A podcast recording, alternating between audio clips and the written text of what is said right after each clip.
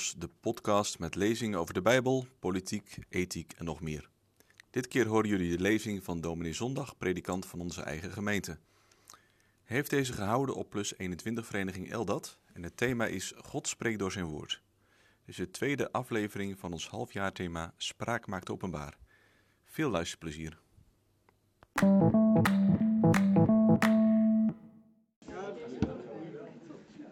Ik uh, doet me denken aan uh, gisteravond, of beter gezegd vannacht. Mijn zoon uh, was 21 jaar geworden. En ja, we hebben een bepaalde traditie. zelf bedacht misschien, of hij heeft hem bedacht, ik weet het eigenlijk niet. In ieder geval, dan wordt er een 21 jaren diner georganiseerd. Of dat schijnt iets bij studenten te horen. In ieder geval had het al eerder meegemaakt bij vrienden. En dan moest moederlief met uh, nog wat uh, dames uh, dat allemaal klaarmaken. En dan, ja, ja, vergis u niet, tien gangen, hè? Dat was ontzettend aardig, kan ik u zeggen. Gisteravond aan een lange tafel zaten er tien heren, keurig in pak allemaal. daar zaten de studenten en ja, tien gangen te verorberen. En dat was allemaal perfect uh, georganiseerd en, en, goed gekookt, kan ik zeggen. En ik had aangeboden, ja, misschien val ik wel enorm nu door de mand bij u. Uh, dat had u misschien allemaal niet verwacht van zo'n ja, keurige dominee, maar ik heb de wijn verzorgd. ik ben die ook gaan inkopen. Ik heb ze uh, lopend uh, aan, ieder, uh, aan mijn stuur aan beide kanten een, een doosje. nadruk op tje. maar ja, ik moest per gang ook iets passends aanbieden. Ik zeg niet dat ik elke gang een nieuw glas heb gevuld. Maar samen met de meneer van Gal en Gal heb ik inderdaad best een heel ja, passend wijnarrangement voor ze geregeld. dat, dat vonden ze, dat kan ik u zeggen, aangenaam. Um, alleen wat ze niet verwacht hadden was dat ik uh, in ja, tenue, ik heb mijn jacket aangedaan en ik had uh, ja, me helemaal erop gekleed. Ze wisten eigenlijk niet wat ze zagen toen ik zo hen kwam bedienen. Ja, ja, ja nou, vooral voor sommige jongens die mij dan ook wel eens op de kansel zien, was dat toch wel even een verrassing. Maar goed, het wende snel. Het aardige was dat ik het, het nuttige ook met het aangename kon verenigen. Dus per gang heb ik ze ook een raadsel voorgelegd soms heel aards, maar, maar, meestal ook heel bijbels, vanuit de Bijbel. Gewoon van, joh, denk daar eens over na, wat vinden jullie daarvan? Bijvoorbeeld, uh, ja, vind je dat nou een eerlijke, rechtvaardige constructie die Jozef toepaste?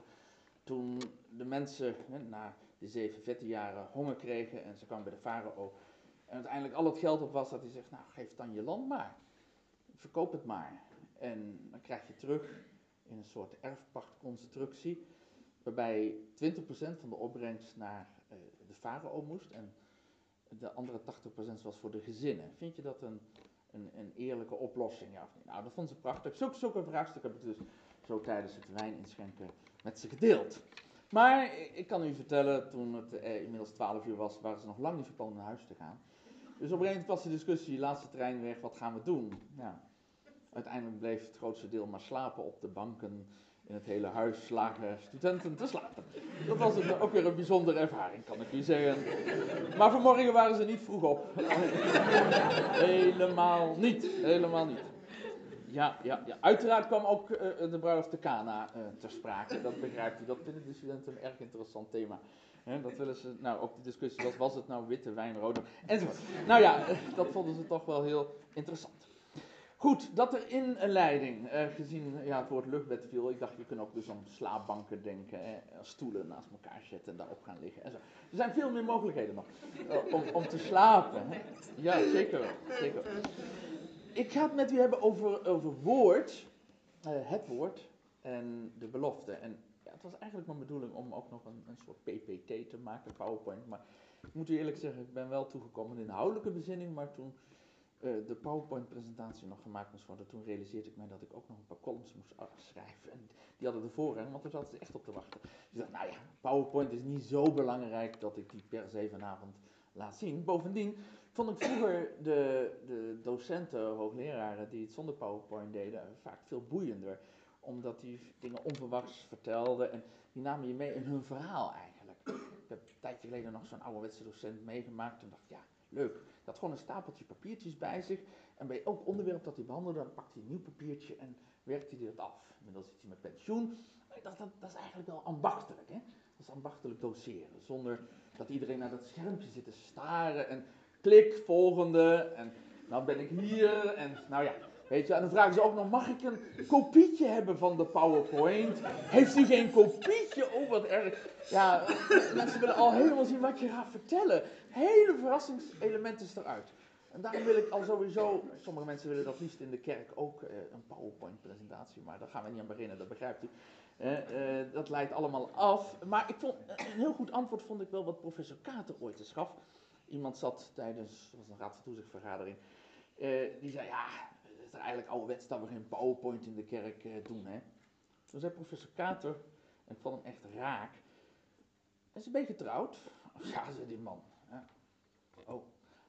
Als u, als u iets uit uw hart vertelt tegen uw vrouw, gebruikt u dan ook een PowerPoint-presentatie? nou, eh, niemand zei inderdaad, zo wordt er gereageerd. Iedereen vond eigenlijk, ja, dit, dit is wel een heel goed antwoord, ja. Want op de kansel gaat het om je hart inderdaad. En, en als het om je hart gaat, moet je oppassen met, eh, met allerlei uh, presentaties. Goed, je hart. Ja, ik was laatst uh, met de blijdenskatechizant een stukje aan het lezen. Dat, we zijn bijna klaar met de, de ziekentroost.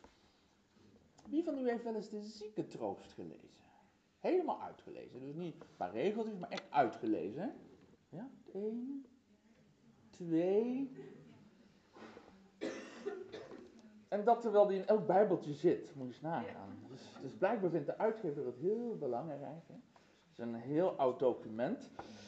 Uh, zeker, uh, even, als ik het goed heb, meneer Hille, hè, was het Hille, geschreven, vertaald door, um, nou, nou ontschiet zijn naam mij, uh, dat een, dat een, ja, ik zeggen dat een. De ziekentroost, als je dat leest, dan zie je eigenlijk de hele Bijbel voorbij komen. Van Genesis tot openbaring. En daarom is het zo mooi om het eens te doen. Want je krijgt, je krijgt kern. En op, op een dusdanige manier gepresenteerd dat, dat je bemoedigd wordt. Dat je echt bemoedigd wordt. En daarom lees ik hem uh, met ze door, dus uh, iedere keer een stukje. En dat vonden de altijd wel heel verrassend. Ik lees er een klein stukje uit voor en dan dan wil ik zo even vragen wat u ervaart als je dit, uh, dat is het eerste stukje, door Adam zijn alle mensen in de dood gekomen. En dan even zo halverwege lees ik dat.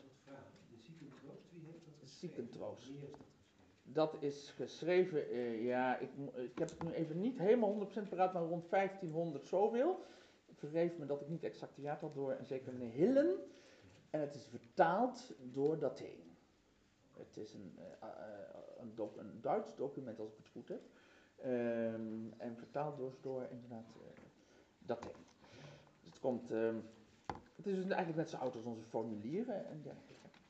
Dus als ik dat stukje lees, ja, onze leeftijd. Hè, dat, is, dat is ongeveer het laatste gedeelte. En, en dan zitten we op twee derde van, van het stukje. Ja, onze leeftijd vaart weg gelijk een wolk en vergaat gelijk een nevel en verdwijnt ook gelijk een schaduw. En ook Petrus zegt, aanhalende uit Jezaja, dat alle vlees is als gras en alle heerlijkheid des mensen als een bloem van het gras.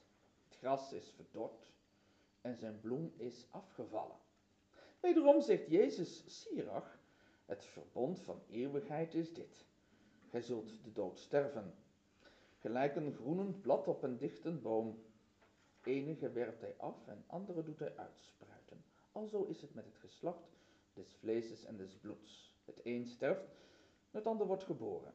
Gelijk Salomo zegt, alles heeft een bestemde tijd. Er is een tijd om geboren te worden en een tijd om te sterven. Wat valt u op?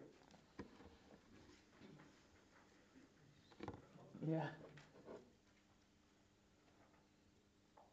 Ik hoor je al zeggen, Jezus Sirach. Nou, eh, volgens mij nog nooit een preek gehad over Jezus Sirach. Hè? Terwijl die in deze ziekentroost wel een paar keer geciteerd wordt. Sirach is een van eigenlijk de meest omvangrijke boeken eh, uit de apocryfen. We hebben een heel aantal oud-testamentische apocryfen en nieuw-testamentische apocryfen. Ja, wat is het, uh, de aard van de apocryfen eigenlijk? Ja, men heeft ze nooit aanvaard als kanoniek, als behorend tot de Heilige Schrift. Nou, dan moet je er dus maar niks mee doen. Nou, zo heeft men nooit tegen de apocryfen aangekeken. Integendeel, men heeft ze heel hoog staan.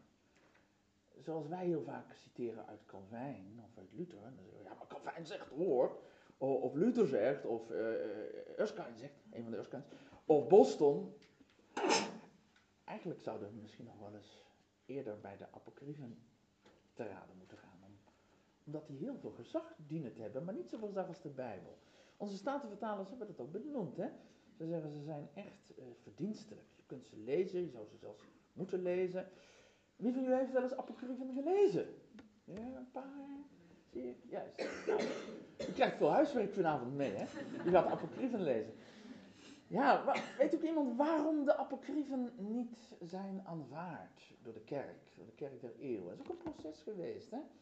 Dat, uh, moet ik zeggen, Jezus Sirach is geschreven nadat de, de Oud-testamentische kanon al was afgesloten. Dus, en dat, dat is Jezus Sirach zichzelf ook wel bewust. Uh, weet iemand waarom ze niet behoren tot de kanonieke boeken? Wat heeft men als criteria onder meer gesteld? Ja, dus het, het getuigenis van Gods geest zou je kunnen zeggen. Hè? Zoals onze geloofsbeleiding zegt, uh, ja, de Heilige Geest getuigt in de harten van mensen, dit is het woord. Dat doet diezelfde geest die het ook heeft geïnspireerd. En ja, er is nog iets objectiefs wel te bemerken als je ze leest. Want, ja, het auteurschap misschien? Het auteurschap is soms erg vaag, ja, dat men echt niet weet waar, wanneer is het geschreven, wie heeft het geschreven. Maar ja, dat geldt voor sommige Bijbelboeken natuurlijk ook. Hebreeën bijvoorbeeld weten niet uh, wie het geschreven heeft. Heeft Paulus dat geschreven? We gaan ervan uit, althans de geloofsbelijdenis gaat ervan uit, maar we kunnen het niet met zekerheid zeggen. Dus dat zou op zich ook nog niet het grootste probleem zijn. Maar het grootste probleem is eigenlijk dat er uh, soms elementen in staan die echt feitelijk onjuist zijn. Die niet zo kunnen zijn. Bijvoorbeeld, um, in Jezus Sirach staat op een gegeven moment in een bepaald vers. Wie zijn ouders eert, diens zonde worden vergeven.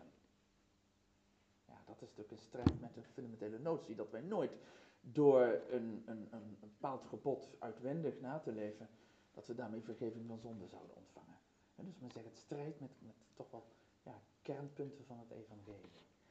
Dus dat, uh, dat is wel belangrijk om te weten. Dat is een, een goede reden. En ja, er zijn zaken die inderdaad soms zeggen, dat is ook feitelijk, historisch niet, niet kloppen, niet kunnen, te wonderlijk zijn. Maar niettemin, onze vaderen zeggen, lees ze dus wel.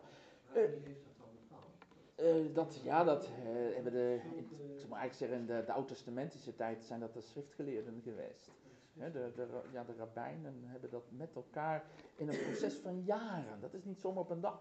Dat is ook een proces van jaren geweest. Net zoals uiteindelijk ook de Nieuw-Testamentische kanon ook een proces van jaren is geweest. Hè? Dat is niet in één keer zo geweest van, nou, we gaan eens met z'n allen een vergadering beleggen en daar komen alle boeken. Nou, wie is voor, wie is tegen? Nee, nee dat, is, is eigenlijk ook, ja, een, een proces geweest. Want het niet ook bijbelboeken waren, dat zijn dan misschien die apocryfen, die dus niet zijn aanvaard in de Romeinse tijd, met die Biblia Latina Vulgate, of, of, dat heb ik wel eens gelezen ergens, dat ze toen eigenlijk hebben bepaald, in het Romeinse Rijk nog, dat dat niet was geworden, christelijk was geworden, of dat niet daar hebben ze bepaalde bijbelboeken gekozen en andere niet. Hebben toen eigenlijk vastgesteld dat ze wel of niet worden. Ja, er is een proces geweest uiteindelijk van wat aanvaarden we ook tot de Nieuw-Testamentische kanon. Ja. Ja.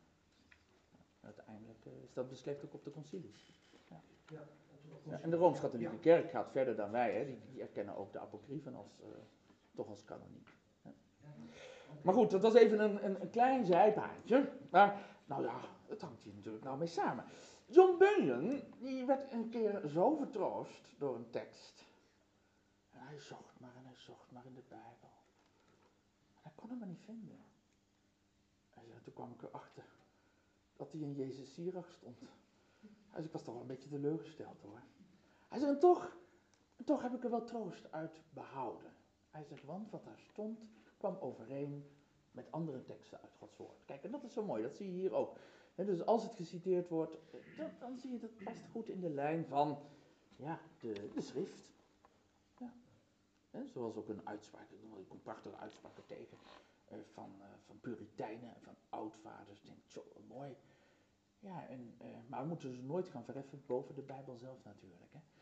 Maar dat je wel zegt, ja, dit komt, dit komt helemaal overeen met wat in Gods woord staat. Goed, dat even over apocryf en kanoniek. Mm, ja, de Bijbel. Dat net al gezegd door de voorzitter. Gods woord. Gods woord, dat, dat doet kracht. Dat is ook wat onze geloofsblijdenis naar voren brengt. Het, het heeft eeuwenlang al kracht gedaan in de harten van mensen. Het heeft getuigenis gegeven. Dit is het woord van God. De eenheid van de schrift. Het is natuurlijk wonderlijk als je de Bijbel leest van Genesis tot openbaring. En je komt al die beelden tegen. Zoveel verschillende auteurs. In zo'n vaak uh, historische context geplaatst. Het zijn geen, geen verhalen die ver van de dagelijkse werkelijkheid staan. Integendeel, ze zijn geboren in, in gewoon in menselijke omstandigheden. In de nood waarin mensen terechtkwamen, et cetera. Dat, dat, ze, dat dat zo'n eenheid vormt. En dat, dat het over zoveel jaren allemaal eigenlijk is gegroeid en, tot stand kwam. En dat beloften worden vervuld. Ja, ja zeg, Guido de Bre. En de Westminster Confessie heeft er ook zo'n prachtig artikel over opgenomen. Dit, dit kan niet anders, of dit moet van boven komen. Welk mens zou zoiets alleen kunnen schrijven, of met meerdere mensen? qua, qua lagen, qua diepten, eh, qua, samenhang. Het is de compositie, de inhoud, de rijkheid van, uh, van het, uh, het hele woord. Ja, wie had ooit gedacht dat het Pascha, het paaslam, dat dat zo weer terug zou komen in Jezaja 53. En, en er zijn nog meer uh, profetieën waarin, waarin op die wijze zo teer wordt gesproken over de knecht des Heren. En dat dan Johannes de Doper zomaar spontaan gaat zeggen, dat is het lam van God. Dat is hem, het lam Gods. En dat later Johannes, de evangelist op Patmos, het lam weer ziet, staand als geslacht van voor de grondlegging der wereld. Hè? Dat lam. Abel slachten een lam. En, het komt weer terug in openbaringen. Ja, nou, je zo'n een element eruit. Alles drijft ook uit naar de Heer Jezus Christus. En dat maakt die Bijbel eigenlijk. En dan dat persoonlijke. Niet alleen de kerk der eeuwen heeft, heeft ervaren, dit is Gods woord. Maar ook dat hele persoonlijke van dat je gaat zeggen, gaat leren, dit, dit is God die tegen mij spreekt. Hij gaat het tegen jou hebben. En wat we zojuist gelezen hebben over de wonderlijke visvangst, Lucas 5. Ja, ik, ik, moet zeggen, ik had het niet om die reden laten lezen, maar um, het komt er wel in mee nu. Dat Petrus zegt, is de eerste keer dat, dat Jezus uh, advies gaat geven, en, en, of Petrus zegt een opdracht geeft. En ja, hij zegt, moet eens goed luisteren, Jezus. Wij hebben de hele nacht gearbeid, wij ervaren vissers. En we hebben niets gevangen. Dat lag niet aan onze kennis en, en ook niet aan onze kunde. En dan gaat u zeggen dat het net op een andere manier moet worden geworpen. Moeten we dat nu doen? Steek af naar de diepte, had Jezus zegt. En werp uw netten uit om te vangen. Nou, wij hebben de moed al opgegeven, meester. Wij, wij, wij zien het nut daar echt niet meer van in. Zeker niet nu het ochtend is. Nu gaan de vissen juist weg. Nee, de spiegeling in het water moeten we juist niet meer doen. Ja, je zou zeggen, nu juist als het onmogelijk wordt. En dan zegt Jezus, doe het. Wat doet Petrus dan? Hij doet het toch. Waarom? Komt het dat hij dit doet? Iets wat eigenlijk belachelijk is. Want het is in de ogen van de vissers belachelijk om nu het net uit te werpen. Hij zegt het erbij. Doch op uw woord zal ik het net uitwerpen. Dus het is het machtswoord van Jezus. Op uw woord zal ik het doen. Hij gelooft. Al gaat het helemaal tegen zijn, zijn ratio in. En ja, hebben we daar vandaag daar ook allemaal niet mee te maken. Dingen die tegen je verstand ingaan. Mensen zeggen dat kan niet waar zijn. Dat is belachelijk. Je gelooft in een schijnwereld. In luchtkastelen. Dat is geloof, luchtkastelen. Er is niks van waar. Straks blaas je adem uit en dan is het voorbij. Gewoon over en uit. Zoals die man zei, die in het RD stond met een interview, Joodse man, die uh, vreselijk concentratiekamp heeft overleefd, hè, Auschwitz overleefd. Dat kunt u, hebt het gelezen? Vond aangrijpend wat hij schreef, wat hij zei. Hè. Ja, maar net te laat, we zouden onderduiken, werden opgepakt. Dan zaten we opgepakt in die wagons. Ja, naar de vernietiging.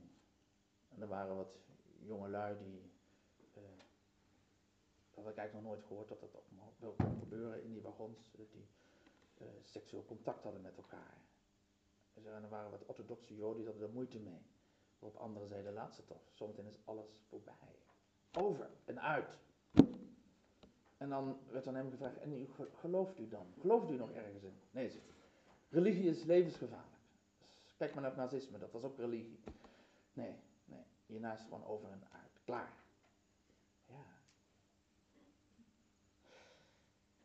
Terwijl er ook mensen zijn geweest als een Corrie ten Boom, hè, die omhoog kijkt op de appelplaats. Terwijl ze alle gruwelen voor het eerst meemaakt met haar zus. En dat ze tegen haar zeggen, dit is de hel. Dit is de hel, vrezen. En dat Corrie haar dan toefluistert. Geloven is niet zien. Geloven is niet zien. Hetzelfde kamp, zou je zeggen, althans dezelfde omstandigheden. Wel geloof. Dit is niet, dit is niet het laatste. Misschien gaan we wel de gaskamers in. Kan zeker zo zijn, of worden we doodgeknuppeld of, of worden we ook ernstig ziek. Maar, maar, maar er is een andere werkelijkheid. Hè? De werkelijkheid die, we, die ook zo krachtig naar voren komt in Hebreeën. Door het geloof, zegt de schrijver dan. Dan vat hij het eigenlijk samen. Hoe hebben de mensen geleefd? Uh, waren dat inderdaad alleen maar menselijke gedachten? Nee, nee, het was geloof in wat God heeft gezegd. En daarom is het waar. Zo hebben ze geleefd. Ze hebben geleefd als pelgrims hier op aarde. Ze verwachten een ander vaderland. Zo heeft Henoch gewandeld met God. Zo heeft Abraham geluisterd naar de stem van God en is hij gekomen toen God hem riep. En heeft hij verwachting gehad. Zo, zo eh, ik kan er nog wel meer noemen, zegt de Hebreeënbriefschrijver. Ik zou er een lange lijst van kunnen maken van mensen die hadden verwachting. Omdat God het zegt. Het woord van God spreekt tot je. Zoals hier Petrus eh, zegt, op uw woord zal ik het doen. U zegt. Ja, dat was heel persoonlijk op een gegeven moment ook geworden, als, anders had ik hier niet gestaan als uw dominee. Dat, uh, op een gegeven moment had ik bepaald bij dit gedeelte ook, Lucas 5. En in die strijd van, ja, is het nu, heren, of later? Wilt u dat ik nu naar Dordrecht ga of niet? Ik wist, net moet aan de andere zijde worden geworpen. Maar wanneer? Nu al? En de omstandigheden zeiden nee, nu nog niet. Gezin zei nee, nu nog niet. Het was toch maar vraag, heren. En toen kwam bij Lucas 5 uit. Toen las ik, en Petrus deed het terstond. Dat woordje terstond werd voor mij eigenlijk heel bepalend. Nu, niet wachten, luister, dit is het woord van God. Ga. Terstond het net uitwerpende. Uh, Petrus heeft niet gezegd, dan doen we dat morgen. Nee, en ook in Johannes 21 is dat terstond gebeurd. Toen had ik met mijn zoon er een gesprek over, want ik liet het me zien. Ik zei, kijk, ik liet me zien hoe, hoe de Heer die, die woorden in mijn hart legde. Maar dan zie je het verschil. Hij zei, ja, mooi pap, maar neem me niet kwalijk, maar ik kan het ook zo uitleggen dat u gewoon hier moet blijven. Dat het net hier nog weer uitgeworpen moet worden. Hier een woorden, hoe ben me niet weg. Ja, dan zie je het verschil. Uh, spreekt de Heilige Geest tot je hart of, of, of niet? En sta je daar ook voor open? Ik zeg, ja, dat is nou het verschil. Ik zeg, als, als de Heilige Geest in zo'n woord heel persoonlijk meekomt en, en op dat moment ook jou als het ware aanspreekt, dan hoor je hem. Dan hoor je de stem van de Meester. Dan hoor je de stem van de Heer Jezus. Dan is het niet meer een boek dat, dat gaat over andere mensen, over heel veel mensen. maar in één keer kunnen eigenlijk alle mensen weg gaan vallen. Niet dat ze niet belangrijk zijn, maar eh, ze, ze, ze, ze verdwijnen even naar de achtergrond. En jij blijft alleen daar staan. En, en, en, en de meester zegt het tegen jou. Dat is wat ik, vind altijd zo mooi als ik bij mensen kom en dat ze vertellen, ja, het, is, uh, het is de laatste tijd zo in de kerk. Het is net of ik daar helemaal alleen zit. Of, of alles tegen mij gezegd wordt. Nou, dat vind ik echt geweldig mooi, want dat is het nou precies inderdaad. Het woord komt tot jou. dat doet die Heilige Geest, die trekt dat het. En dat je zegt, hé, hey, maar dat die grote God, dat hij dus mij op het oog heeft. Daar ben je verwonderd over. En daar krijg je verwachting van. Want, dan kom ik weer bij, uh, ja, waarom doet Petrus het? Waarom uh, gooit Petrus dat, dat net echt weer overboord, terwijl alle omstandigheden nee zeggen? Waarom doet hij dat nou? Waarom doet hij dat? Als nou, stel dat Maria dat had gezegd. Hé, hey, Petrus, gooi dat net eens overboord. Werp het net nu uit. Zou hij het dan ook gedaan hebben? Denk het niet. Of een willekeurige voorbijganger. Nee, waarschijnlijk zelfs als een medediscipline dat had gezegd, had ik gezegd, dat ga ik echt niet meer doen. Sorry. We hebben lang genoeg gewist. Maar Jezus zegt het. God zegt het. En, en dat is nou waarom het, het woord kracht doet. Het is van God. En dan kom ik, eigenlijk bij Genesis. Waar begint Gods woord voor de mens? Als God spreekt. Hij belooft en hij waarschuwt. Hè? Twee bomen als symbool. Luisteren jullie naar mij, dan zul je leven. En je zult het eeuwige leven krijgen. Je zult het ermee verdienen. Doe je het niet? Word je ongehoorzaam? Luister je straks naar de stem van het kwaad, dan zul je de dood sterven.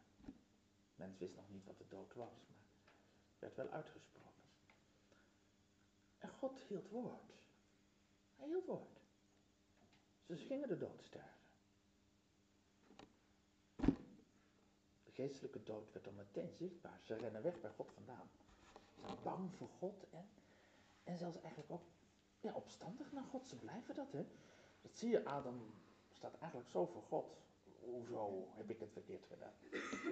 Kijk eens naar uzelf. U, u heeft mij deze vrouw gegeven. En die vrouw die kijkt naar, naar de slangen. Hè? Dat, schepsel, dat heeft hij toch gemaakt? Nou, die heeft dat gezegd. Zo staan ze daar.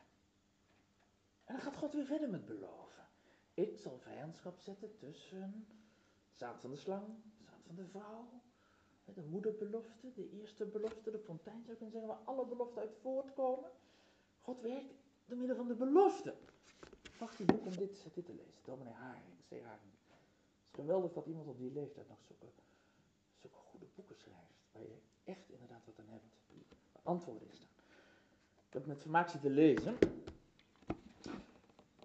Ja, God gaat beloven. Ik beloof het. Hoe die dat precies gaat doen, dat is waar voor ah, de, de eerste mensen toch nog niet zo duidelijk. Het is wat in nevelen gehuld. Maar hij belooft het wel. En, ze weten, er, komt iemand. Er komt iemand. En dat zie je. Als Eva namen gaat geven. En als Kain komt, dan lijkt dat toch al verwachting te zijn. Dat deze het zal zijn. Nou, wat een tegenvaller is dat. Wat, vreselijk als dan blijkt dat, dat de dood ook, de, ja, de, de, de scheiding van lichaam en ziel er komt. Daar, daar hebben ze nog nooit kennis mee gemaakt. En dat hun eigen zoon dat doet. Zijn broer vermoord. Dood is gekomen. Maar God gaat wel door met zijn belofte. Je hoort het, hoe Eva weer spreekt over Zet. Ze verwachting heeft van God. En zo gaat het maar door in de Bijbel. God belooft. En mensen Mensen vertrouwen op zijn belofte. Hoe zei Jezus het ook alweer? Tegen de mensen zegt wat jullie nu zien met jullie ogen. Ja, daar, daar, daar hebben de ouden naar uitgezien. Daar heeft Abraham naar uitgezien. Rijkhalzend.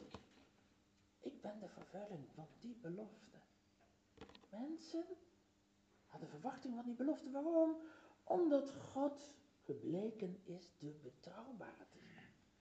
Dat is het belangrijke. Dus die eerste woorden waren nog maar heel beperkt. Die worden steeds meer uitgebreid. Hè? Zo ontstaan de boeken van Mozes, eerst de mondelinge overlevering, dan op schrift gesteld. Waarom hechten we als mensen daar zoveel waarde aan, als het goed is? Omdat, omdat God gebleken is de betrouwbare te zijn.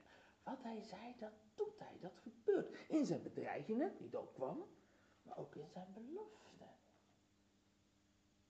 Iedere keer zie je dat mensen teruggrijpen op de belofte en dat God het zelf ook doet.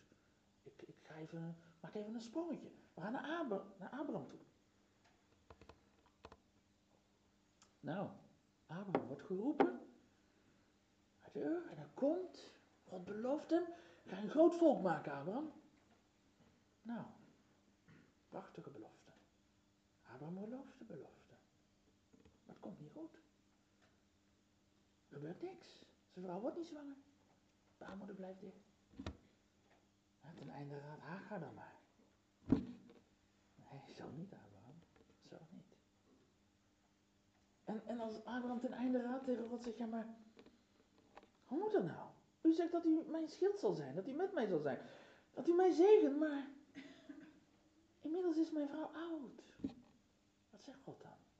Zegt God dan, ja, ja, je hebt mijn belofte verkeerd geïnterpreteerd? Nee, nee, die belofte blijft staan. Maar God gaat zich bekendmaken met wie hij nog meer is. Hij is niet alleen de betrouwbare, de Jehovah, de God die, die zich nooit verandert en ook nooit zijn woord verandert, maar dan zegt hij, ik ben, ik ben de Almachtige. Komt God met een andere naam. De hele Bijbel is eigenlijk een boek vol namen, hoorde ik laatst een dominee zeggen. Oh, wat zeg je dat mooi, ja. Een boek vol namen van God.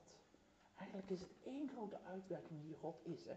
God heeft echt bij elkaar, als we ook de naam van de Heer Jezus erbij tellen, hebben we het echt wel over, wel over een paar honderd namen in de Bijbel.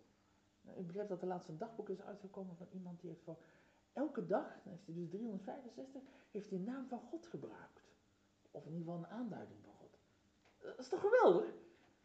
Dat je 365 aanduidingen van God hebt. Waarin hij iedere keer weer iets zegt van wie hij is. Dat je dat allemaal met je namen doet. Dat ben ik, zegt God. Dus dan zegt hij, ja maar Abraham, ik ben niet alleen de belovende God, maar ook de Almachtige. Ik, ik schep uit het niets. Ik spreek en het is er. Alleen je moet wel mij vertrouwen. Onvoorwaardelijk. En dan zie je, Abraham doet dat. Sarah lacht nog. Abraham gelooft. En dan, dan komt hij zo. En dan gaat God die zoon als het ware weer afnemen. Gaat hij nog verder beproeven. Abraham en nu? Die uh, jongen van je? Die enige zoon, zegt hij er duidelijk bij. Die je lief hebt, ja ja. Strooi maar zout in de wond. Die je lief hebt, ik weet het wel dat je hem lief hebt. Abraham, bedoel ik dus, echt. Neem mee, offer hem, voor mij. Ga maar. En Abraham doet het. Hij legt die, die lange wandeling af van zeker drie dagen. En, en in zijn hoofd tuimelt het over heen. God belooft. En hij gaf. En nu zegt hij, neem hem. Hoe, hoe kan dat? En de Hebreeënschrijver, die, die, die weet er wat van. Weet je wat Abraham geloofd heeft op dat moment? Dat God bij machten was om hem weer op te wekken. Dus het geloof gaat inmiddels zo ver dat Abraham, ja, en niet aan dat hij het echt moet doen. Maar hij denkt, ja, God heeft het gezegd. Wat God zegt moet het doen. Ik moet hem offeren. Blijkbaar, ja, lijkt God toch meer op, op de andere goden van de omringende volkeren dan ik had gedacht. Want die vroegen ook om kinderoffers. Ja, Abraham vindt het in deze reden ook niet, niet heel erg vreemd. Want ja, dat was men wel gewend, kinderoffers te brengen. Maar dat deze God dat dan dus ook vraagt, ja. Maar hij gelooft, God zal hem teruggeven. Uit de dood. En dan laat God zien, maar ik ga mijn zoon geven. Dat, dat offer wat Abraham wilde brengen, hoeft hij niet te brengen. Want God zegt, ik, ik ben het die mijn zoon geeft. Jezus Christus. Zo worden de beloften iedere keer weer gegeven. Zo maakt God zich bekend. We gaan even naar Mozes. Mozes, opgevoed, was een vrezende moeder, mogen we geloven. In Gods voorzienigheid hè, komt hij bij, bij de farao terecht. Maar wel met kennis van de schrift, met kennis van Jehovah. De schrift natuurlijk nog maar gedeeltelijk, maar hij weet wie God is. En wat God beloofd heeft en wat God doet. En hij ziet de armoede van de wereld en de armoede van de afgodendienst. En dan besluit hij, en dan gelooft hij, en dan wil hij ook niet anders dan zich aansluiten bij het volk van God. Hij zegt liever kwalijk behandeld worden dan liever een arme zwerver, een vluchteling te zijn dan, dan een rijk kind van, uh, van Farao's dochter. En hier wellicht een troonopvolger te zijn. Hij ziet het, dit gaat voorbij. Dit geeft geen vrede. Maar de wil van God doen, dat geeft vrede. En, en daarom, daarom ligt zijn hart daar. Nou, dan moet hij vluchten. Dan is hij eigenlijk enorm teleurgesteld. Want hij geloofde dat God hem zou gebruiken als verlosser van zijn volk. Maar hij is te vroeg begonnen hè, door die Egyptenaar dood te slaan. En dan heeft hij eigenlijk de hele moed opgegeven. En dan denkt ja, daar, daar komt niks meer van terecht. Uh, het is nu klaar. Ik ben schaapherder en het is prima zo. Hij is eenzaam geworden. Kan eigenlijk nauwelijks meer communiceren met mensen. Door, waarschijnlijk ook wat door, het eenzame leven. We zouden zeggen, een enorme Einzelganger geworden. En dan in één keer dan ontmoet je God in dat brandende braambos. En als je dan ziet hoe God zich openbaart naar Mozes. Dat is heel bijzonder. Hè? Enerzijds het vuur, zijn deugd, zijn eigenschap. Ik ben een, ja, ik ben een, heilige God. Hè? Ik, ik kan geen omgang hebben met de zonde. Doe je schoenen maar uit, Mozes. Eh, dat, dat verteert niet. Vurige gloed is onze God. Later maakt God zich nog een paar keer zo bekend. Jegens Mozes zegt hij, ja, ik ben een verterend vuur bij wie niemand wonen kan. Maar dan zegt God nog wat. Als Mozes zegt, wie bent u? Wie bent u nou? Zegt God dan, uh, ik ben de Almachtige, ik ben de Eeuwige. Nee, dat, uh, ja ook wel, maar hij legt het accent op, op nog iets. Iets, iets waar Mozes vertrouwen door krijgt, of nog meer vertrouwen. Weet iemand wat hij doet? Hoe maakt God zich bekend aan, aan Mozes? Waardoor hij zoveel vertrouwen krijgt in God. En inderdaad durft te gaan naar het volk om, om te zeggen, ja, de, jullie moeten, jullie worden verlost naar de farao, jullie moeten het, moeten het volk laten trekken. Wat, wat, wat zegt God van zichzelf? Weet iemand ik zal zijn die ik zijn. Ja, zeker. Maar nog iets, even in, gewoon een dialoog. Stel dat ik aan u zou vragen, wie, wie bent u nou eigenlijk? En u zou tegen mij zeggen, ja, ik ben heel eerbiedig gezegd hoor, maar ja, ik ben degene die ik altijd al was. En ik zeg, ja, bedankt, maar ik schiet daar nog niet zo heel veel mee op. Uh, maak eens wat concreter, zou ik dan vragen. En, uh, hoe zou u zich bekendmaken als ik zou vragen? Vertel eens iets over wie u bent. Dat is de God van Abraham, Isaac en Ja, precies. Hè? Dus ik bedoel, in de relationele sfeer. God treedt in de relatie. En zegt, kijk eens, ik ben de God van Abraham, Isaac en Jacob. Nou, wat heb je altijd gehoord over, over mij, van hen? Was ik betrouwbaar? Heb ik beloofd dat ze kinderen zouden krijgen en kregen ze kinderen? Tegen het, door het onmogelijke heen? Ja toch? Ja toch? Je weet toch hoe Jacob geworsteld heeft? Nou, dat ben ik dus. En dan krijgt Mozes dus vertrouwen. Dus de eeuwige God inderdaad, ik zal zijn, die ik zijn zal, die treedt in de tijd, maakt zich bekend als de betrouwbare God, maar ook als de almachtige God. Dat ben ik. In die relatie sta je, Mozes. En zo gaat Mozes inderdaad naar de farao. Ik, ik, sla even weer een stukje over, want dan op een zegt God, Mozes, ik ben, ik ben klaar met dat volk. Aan de kant. Ik ga het verdelgen. En ik ga jou tot een groot volk maken. Dus die belofte, die komt wel goed, maar op een andere manier dan ik eerst heb gezegd. Wat doet Mozes dan? God lokt hem eigenlijk uit, hè, want God wil natuurlijk dat Mozes dat gaat doen. Werpt Mozes zich neer voor God en dan gaat hij bidden. Doe dat niet, Heer. Doe dat toch niet. Waarom niet? Wat is de kern van het gebed van Mozes? Weet iemand dat nog? Wat is nou de kern van dat gebed? Pleiten, zijn woord, exact. Dat is het. Het is het woord van God.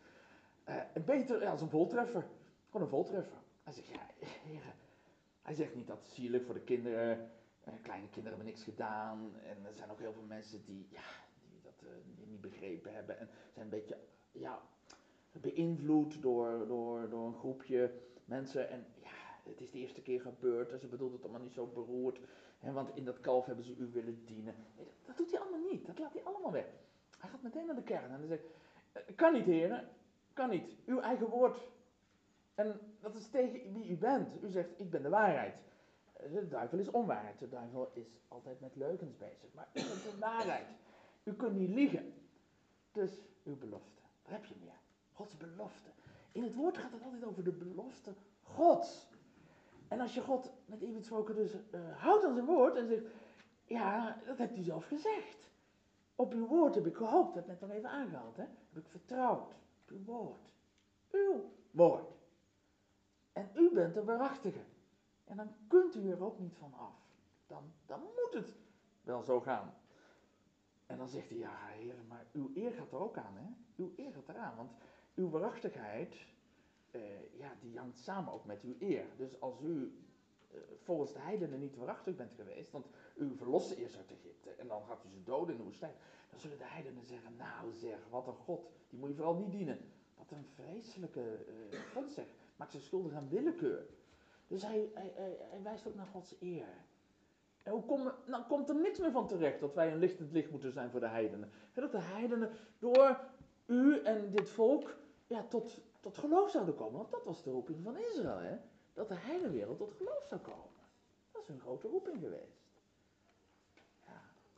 En dan gaat, dan gaat de Heer overstag. Hè? Hij ja Mozes, ik uh, zal het niet doen. Ik zal het niet doen. Um, ja, en je ziet als het, als, dat, dat kon Mozes weer niet doen in een ander gebed. Er is ook een gebed dat afgewezen is, dat weten we allemaal. Hè? Het onverhoorde gebed. Als Mozes, uh, de Heer zegt tegen de Heer, ja, mag ik toch het beloofde land ingaan, alstublieft. Uh, het is toch wel een, ja, zware straf dat ik, dat ik het land niet mag zien. Ik er niet in mag komen. Zou u dat ongedaan willen maken? Dan zie je dat de Heer zegt, nee, ik hou me aan mijn woord, Mozes. Dat, dat, dat is je straf. En ik wil ook niet meer dat je er nu over begint. Laatste keer geweest. Dat is mijn woord. Daar doe ik niks meer aan af. Je mag het nog wel zien, kom maar op de berg staan, Nebo. En mag je het zien, maar je gaat er niet in. Want jij moet een voorbeeld zijn. Mensen moeten weten dat er ook met mij, ik zeg maar even heel menselijk weer, niet te spotten valt. En dat ik wel mijn woord houd. En dat ze voor mijn straffen ook moeten vrezen. En dat als ik zeg dat ze mij verlaten, dat, dan, ja, dat ik dan ook met mijn kastijdingen komen, dat, dat zullen ze dat zullen ze ook hier aan merken. Jozua doet precies hetzelfde later. Hè? Jozua heeft goed geleerd van Mozes. Dat vind ik ook wel zo mooi. Uh, dan, weet iemand wanneer Jozua eigenlijk hetzelfde doet als Mozes als het gaat om dat pleiten op wie God is? Weet ik dat? Hij doet het op een gegeven. Hij doet meerdere keren zelfs. Eerste keer, dan is hij echt helemaal foutloos om het zo maar te zeggen. Dan heeft Jozua het goed gedaan.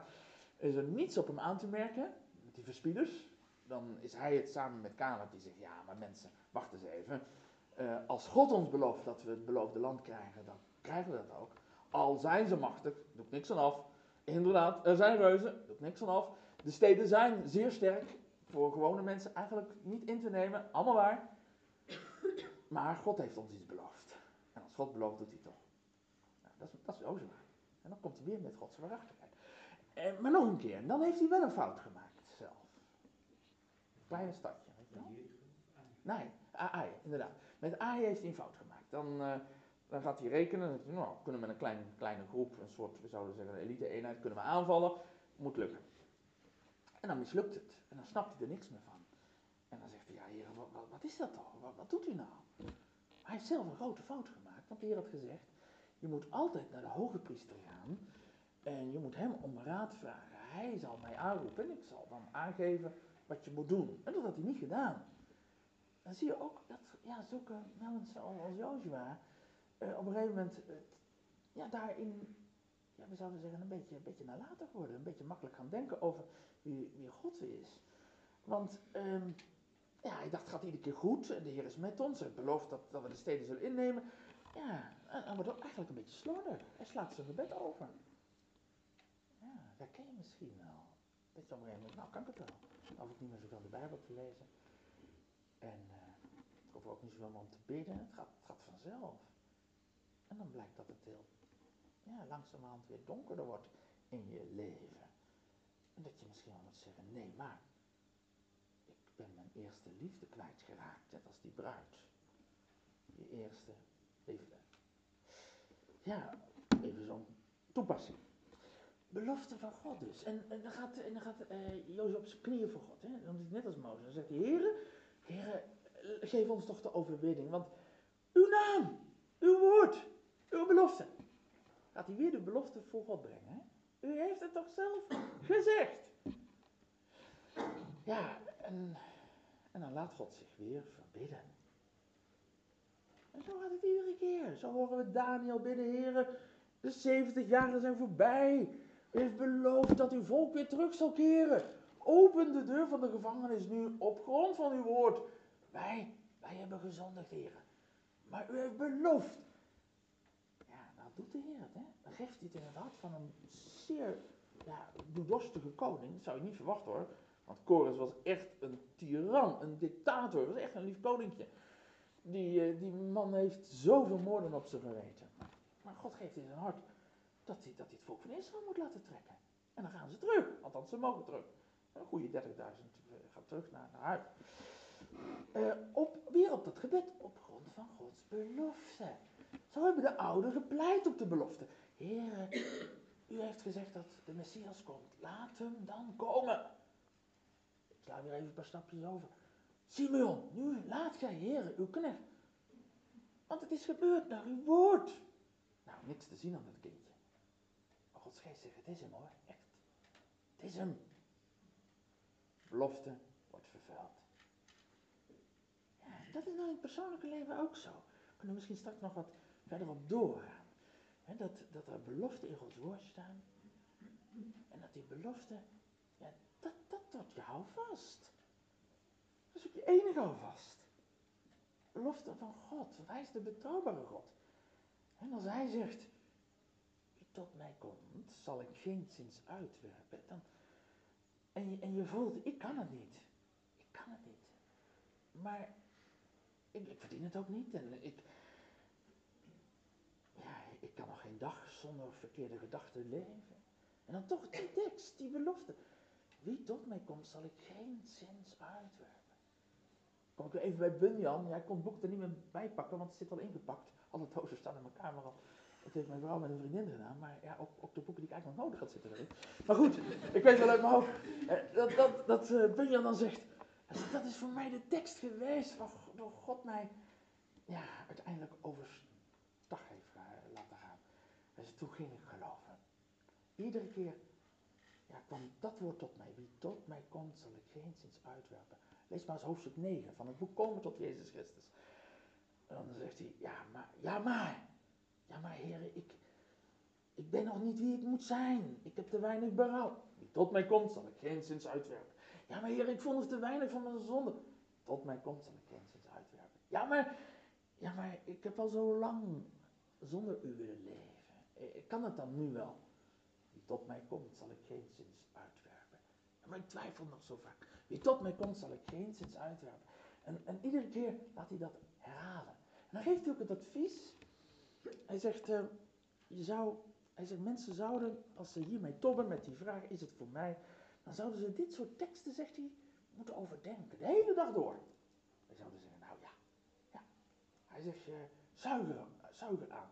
Zoals je bijvoorbeeld dan ja, een snoepje zou kunnen zuigen. Dat bedoel ik heel eerbiedig, maar het is een woord van Bunyan. Hij zegt, ik zal je een paar teksten geven, zegt hij. Die teksten, dat zijn kernteksten. Daar moet je biddend mee naar, naar, naar God gaan. En dan moet je zeggen, heren, daar staat daar toch heel duidelijk. Dat zegt u. Alleen ik durf het niet te geloven. Want er komt zoveel tegenop. En toch, u zegt het. Nou, dat is dat mediteren. Dat, dat is dat gelovig mediteren. Dat is dat biddend mediteren. Dat is dat komen tot, tot hem. Met zijn eigen woord in je hand. Zoals een klein kind zegt. Ja, maar u heeft zelf gezegd. Wij zouden vanmiddag eh, naar de stad gaan. En we zouden nog even iets leuks gaan doen. Nou ja, dat is waar. Dat ik beloofd. Ja. Nou, u bent dus... eh, u bent een leugenaar. Nou, dat wil je toch niet als ouder, als je ouder mag zijn. Nee, nee. Nou, ja, nou, ja, nou, dan moet het toch maar gaan. Ja, nou. Een, een kind weet precies waar je hè, de belover aan moet houden. Aan het eigen woord. Nou, God zegt, en God, God, ik zeg het maar even mensen. God geniet ervan. God heeft vreugde erover.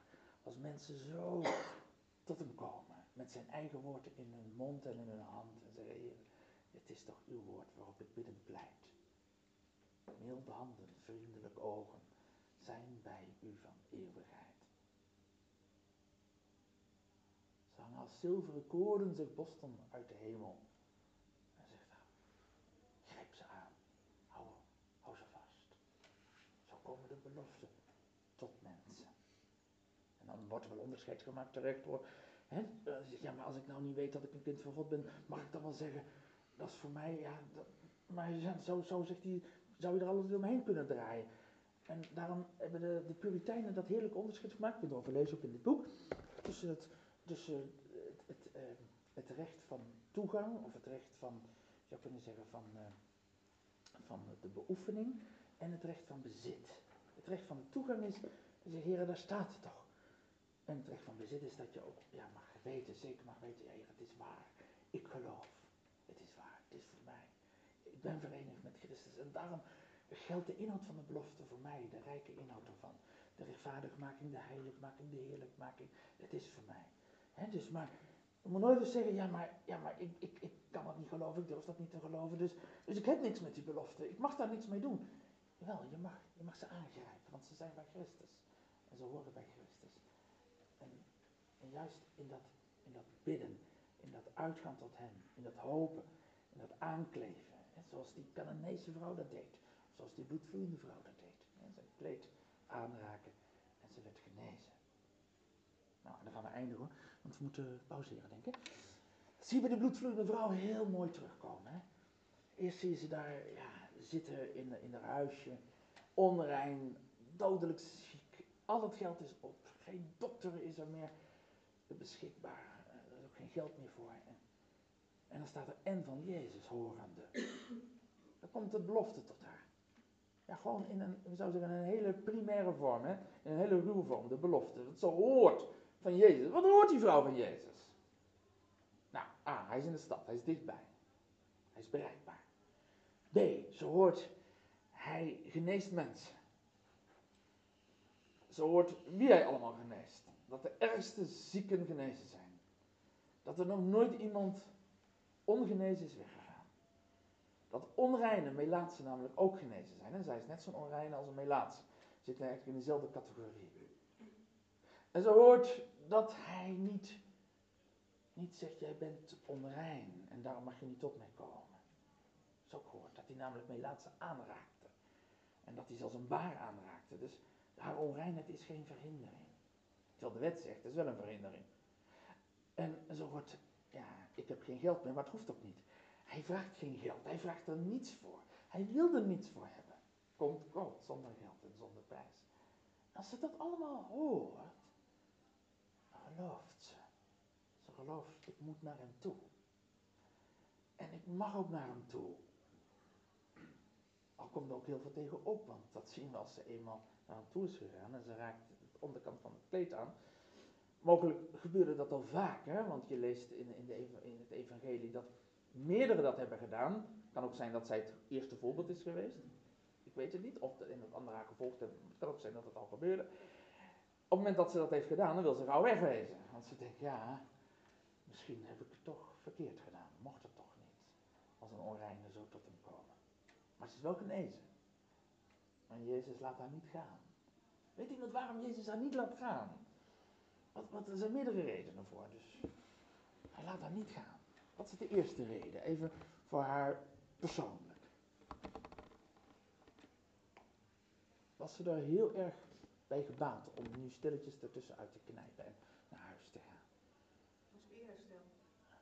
Dat is de eerherstel omdat ze wel weer rein was, zeg maar. Ja. Als ze sowieso inderdaad weer rein was. Wordt alle mensen. En dat niemand dus zou kunnen zeggen, jij bent, en je bent onterecht tot hem gegaan. Ja, wat daar nooit mogen komen. Jezus laat zien, ze mocht wel komen. Een hele belangrijke. Ja, want als ze thuis zou komen, zouden de buren misschien wel zeggen, of huisgenoten, wat heb jij gedaan? Dit had je echt niet mogen doen. Dus, Er wordt duidelijk vastgesteld, dat was wel goed en je bent rein. Dus ze krijgt een persoonlijke zekerheid. Ze kan later zingen, ik heb het tweemaal uit zijn eigen mond gehoord. Dus ze krijgt zekerheid, het was toch goed wat je gedaan hebt. Je zou kunnen zeggen dat toevluchtnemende geloof gaat over in een verzekerd geloof, zoals de Puritijnen dat vaak benadrukken. Zo staat het ook in de Westminster Confessie heel mooi verwoord. hè. Toevluchtnemende geloof is van, ik kan niet anders, ik moet naar hem gaan. Maar ik doe het nog vrezend en bevend. Verzekerde geloof is veel, ja, veel, heeft veel meer rust, heeft meer vertrouwen, wordt minder heen en weer eh, bewogen. Dus eh, ze krijgen verzekerd geloof. En het tweede, wat, waarom laat Jezus haar voor al die mensen tevoorschijn komen. Waarom doet hij dat niet een van de vier ogen? Ik heb het eigenlijk al een beetje gezegd. Hè. Laat er aan velen haar voorbeeld navolgen. Zij moet een voorbeeld zijn, omdat anderen het ook gaan doen. Daarom moet ze tevoorschijn komen. Dat anderen grond van hetzelfde woord, want dit woord gaat aan de ronde, dat anderen op grond van dit woord tot hem zullen komen met hun ziekte, met hun kwalen, met hun zonde. En dat zij hem zullen aangrijpen. Dat is het grote doel geweest. Dus, ja. Nou, dan moet ik het maar even bij laten, denk ik. Anders dan uh, jullie programma een beetje in de war. Uh, ik geef het weer aan de voorzitter. Dat is altijd fijn als er een voorzitter is. Die, die weet precies hoe de verdere, verdere uh, gang van zaken is.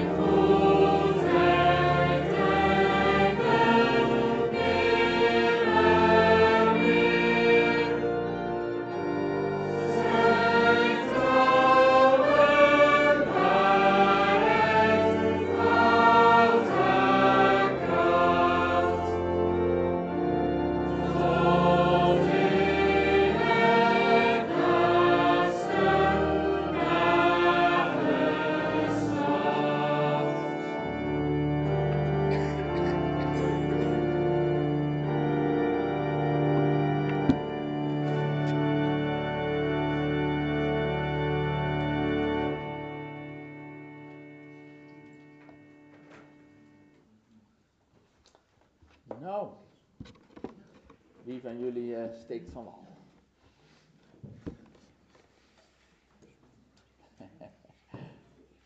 nou, meestal als het de eerste geweest is, dan.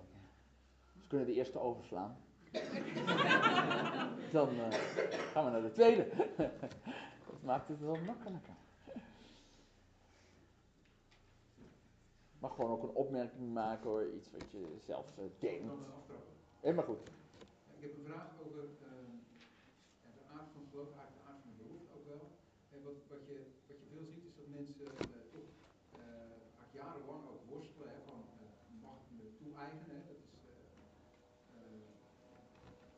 vaak lijkt het dan toch alsof er iets, iets meer moet komen dan de belofte van God en van het woord. Eigenlijk het enige wat echt betrouwbaar is en waar je echt op kunt bouwen. Dat je daar een soort, hè, wat waar jullie aan het begin over had, een soort sub- subjectieve ervaring moet hebben voordat je die stap, eh, eh, die geloofsdaad mag doen, zeg maar. Ehm, hoe kijkt u daar tegenaan? Het is een heel lastige vraag om te zetten. Ja, ja, ja, ja, ja. Ja, kijk ik er tegenaan? Eh, kijk, dat, dat je ermee worstelt, ik denk dat dat, dat een bijbelse zaak is. Dat, dat lees je toch bij allen van heren. Kijk naar de discipelen zelfs. Dat ze zeggen, ben ik het heer als het gaat om het verraad. Dat ze zichzelf zo kennen van, ja maar, ik zal het toch niet zijn. Ehm, en ook dat ze regelmatig die vraag stellen aan de Heer Jezus, hoe is het dan met ons? Zoals bij die rijke jongeling, heren, ja, hoe gaat het dan met ons? Kunt u daar dan ook iets over zeggen? Want ze zijn toch wel behoorlijk geschokt door wat ze meemaken. En zeker ook nadat Jezus de dood is gegaan, ja, wat zal er toen allemaal in hun hart omgegaan zijn? Als ze op, hun, op zichzelf gaan zien en gaan leren, ja, ik, ik heb het niet verdiend. Hè? Dat is toch wel iets, een wezenlijke notie die er dus in meekomt. Van als je, als toch je ogen open gaan voor, eh, voor de zonde, voor de straf, voor Gods heiligheid, voor Gods recht, voor de eeuwigheid. En je weet, ik kan het niet overdoen. Dat daar dus wel een, een spanning op die lijn staat.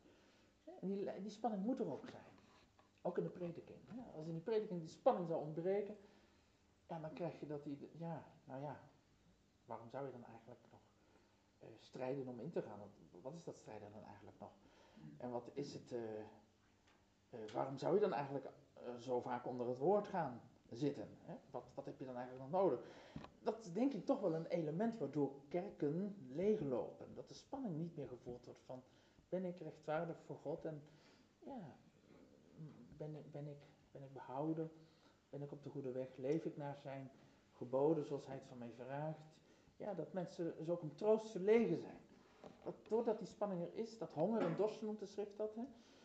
Eh, het uitzien, het verlangen, dat, ja, dat, dat mensen ook innerlijk verlangen om onderwezen te worden. Maar dat is even, even wat, wat de prediking toch ook, denk ik, eh, in belangrijke mate aan moet voldoen. En dan het hele persoonlijke, ja, kun je daar te lang mee zitten? Ja, dat kan, ja, dat kan zeker. Dat je te veel met je innerlijk bezig bent. Ja, maar ik moet eerst dit en ik moest eerst dat. Dat je daar, daar zoveel eh, eisen aan stelt. Zeg ja, maar dan zou ik toch meer verootmoedigd moeten zijn. Dan zou ik meer nog, nog, nog van het verdriet moeten kennen. Dan zou ik nog meer moeten strijden eerst tegen, tegen bepaalde bloedenzonde. Heb ik nog niet genoeg gedaan, dus kan nog niet waar zijn in mijn leven. En dat je daar de kenmerken in zoekt. En dan, dan kom je er wel achter dat het, dat het nooit gaat lukken. Want daar vind je het niet in. Het is de belofte Gods. En, en, die belofte worden zondaren genodigd. Haring geeft er ook verschillende mooie citaten over weer van, ehm, van de Puritijnen. Die, dat ook voortdurend benadrukken. Dat we het nooit moeten zoeken in die, in, zeg maar, heb ik genoeg innerlijk dit beleefd of dat beleefd. Maar dat we het inderdaad moeten hebben van de belofte Gods.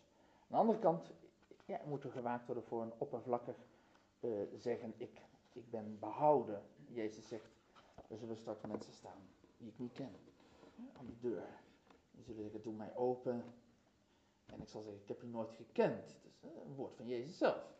Hij zegt, velen zoeken in te gaan door de enge poort, maar hebben de poort niet gevonden.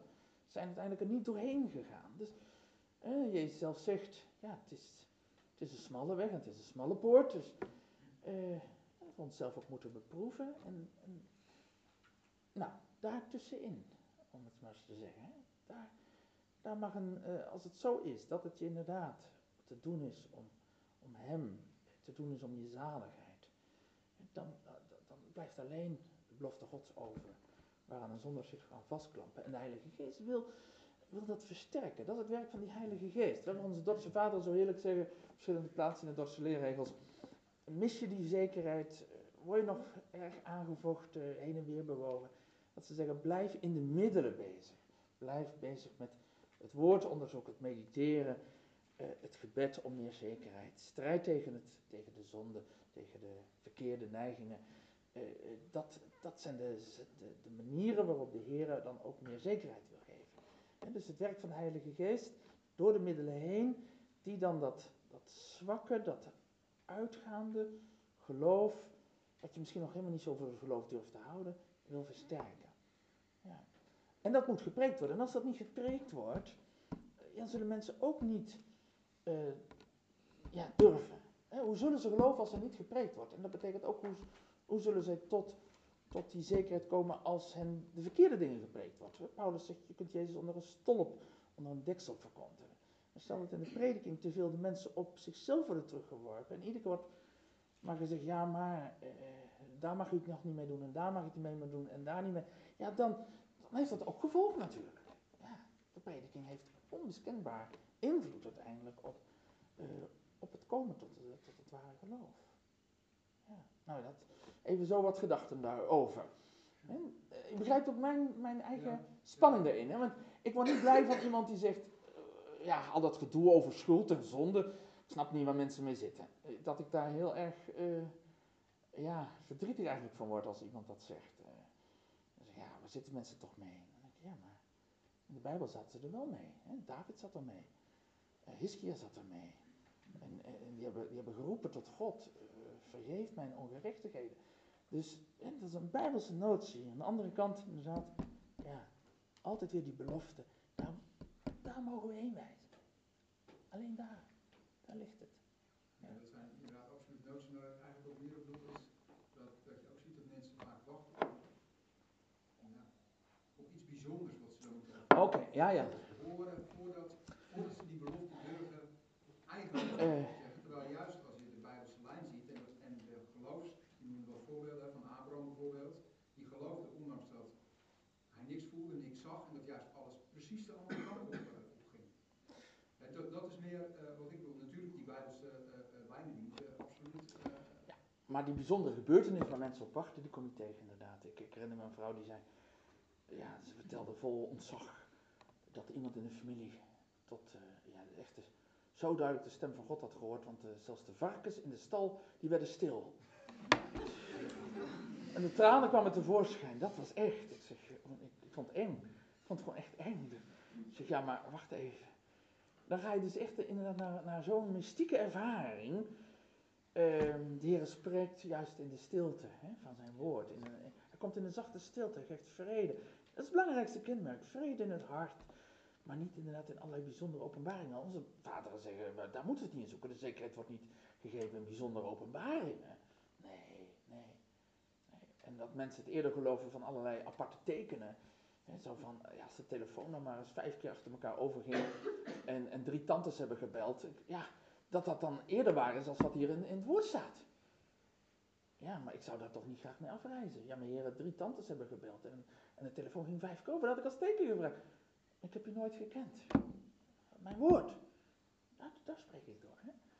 Uh, dat, dat is, dus dat is echt heel belangrijk dat we dat zo zien. En je ziet ook dat Brakel, die, en trouwens, uh, ik, was vanmiddag een man die klampte me aan. Hij zei, ik heb laatst meegeluisterd met u. En, uh, hij keek heel vriendelijk, dus het, dat is goed bedoeld. ja, soms kunnen mensen dan heel, iets anders gaan vertellen. en als ze het niet mee eens zijn. ja, zoals laatst iemand mailde. Wat ik ook antwoordde, het was nooit goed in zijn ogen. En toen schreef hij, alle dominees zijn hetzelfde, ze denken het altijd beter te weten. Ik zei, nou,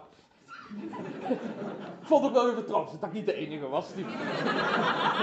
dat is ook wel weer fijn. Ja. Oh, oh. Ja, ja, je reageert op mijn columns in terdege. En dat is best aardig als je erop reageert, maar niet heel vervelend als je altijd vindt dat het niet goed is. Dat, dat het anders had gaan moeten natuurlijk. Maar goed, uh, deze was ook, ja, de preek van Comrie zondag 1 tot 7, dan komt er precies wat hij ook zei, namelijk dat ja, er ook velen geleid worden van jongs af aan, geleidelijk, als een Obadja en een Timotheus. Dat komt dat ook benadrukt. Die zullen nooit het op die manier beleven zoals ik het net heb gezegd, zegt Comrie dan. En Brakel zegt, ja, zegt, de, de, gewone weg van de Heer is een rustige, geleidelijke weg, waarin, waarin die, die beloften steeds meer ja, persoonlijk worden en het getuigenis van de Heilige Geest in het hart werkt, dat, dat, dat het ook voor jou is, dat je een kind van God bent.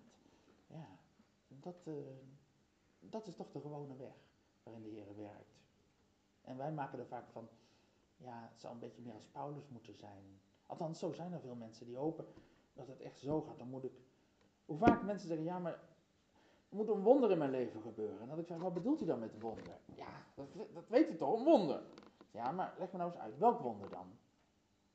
Ja, ja, dan, dan gaan ze dingen opnoemen met tranen in de ogen. En ze- ja, dan krijg je toch een verdriet over de zonde. En dan, en hebben ze net verteld hoe last van de zonde hebben. En dat ze zo verlangen om, om de Jezus te kennen, te geloven.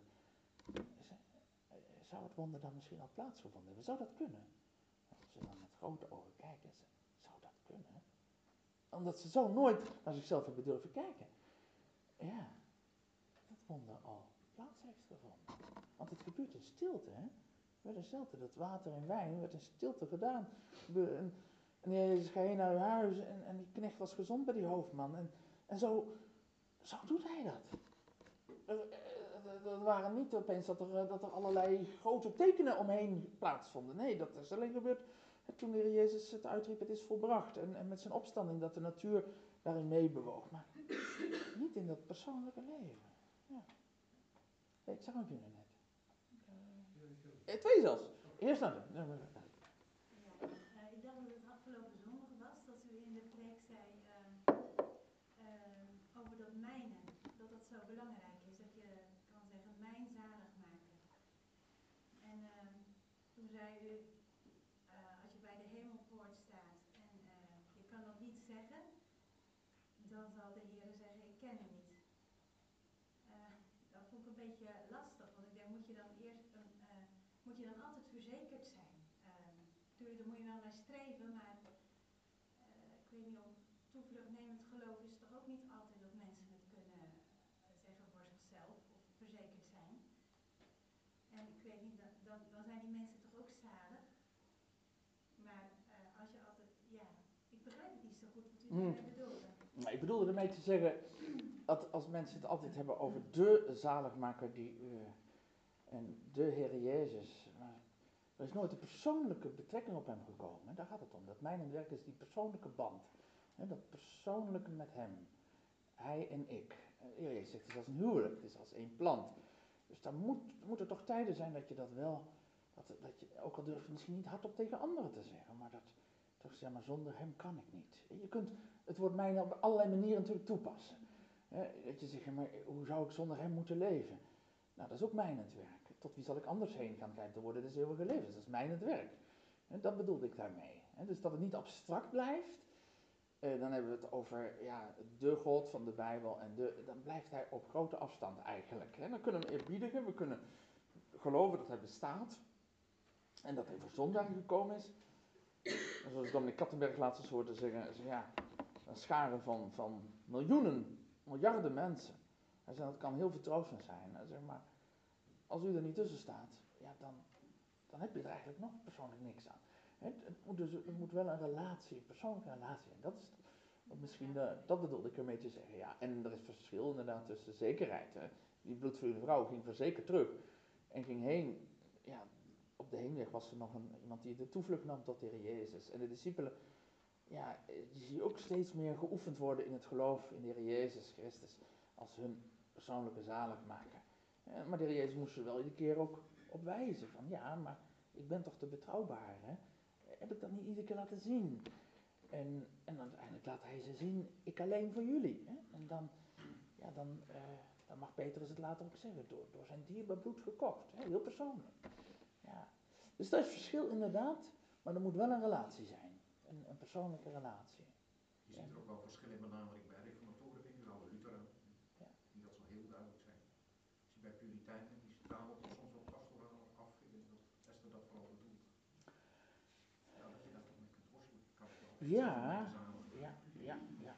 En dan is natuurlijk nog een aspect. In de prediking moet ik eh, de mensen ook eh, uitdrijven. Stel dat ik zeg, ach, het is wel goed hoor, als dat... eh, dan, dan zou je zeggen, nou, dan zit eigenlijk toch... Ja, nou ja, dan, dan hoort dat zeker zo. Ik moet mensen ook, zeg maar, uitdrijven naar Christus. Als dat niet zou gebeuren, dan zou ik niet goed preken. Dus de prediking prikkelt ook als het goed is. Die mag vertroosten, maar die prikkelt ook. Die duwt ook als het ware verder die, naar Heer Jezus toe, naar hem toe. Naar meer zekerheid, naar meer vastheid. Dan zeggen we als ik, ik ja, een, een dominee moet duwen en trekken en sjorren aan de mensen die voor hem zitten. Lieflijk, zeer lieflijk, maar ook wel met, eh, met vaste hand. En, en niet te snel zeggen, ach, het is wel goed met, met u.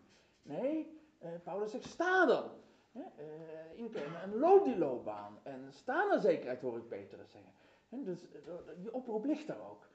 Wees hem dan gelijkvormig. Hè?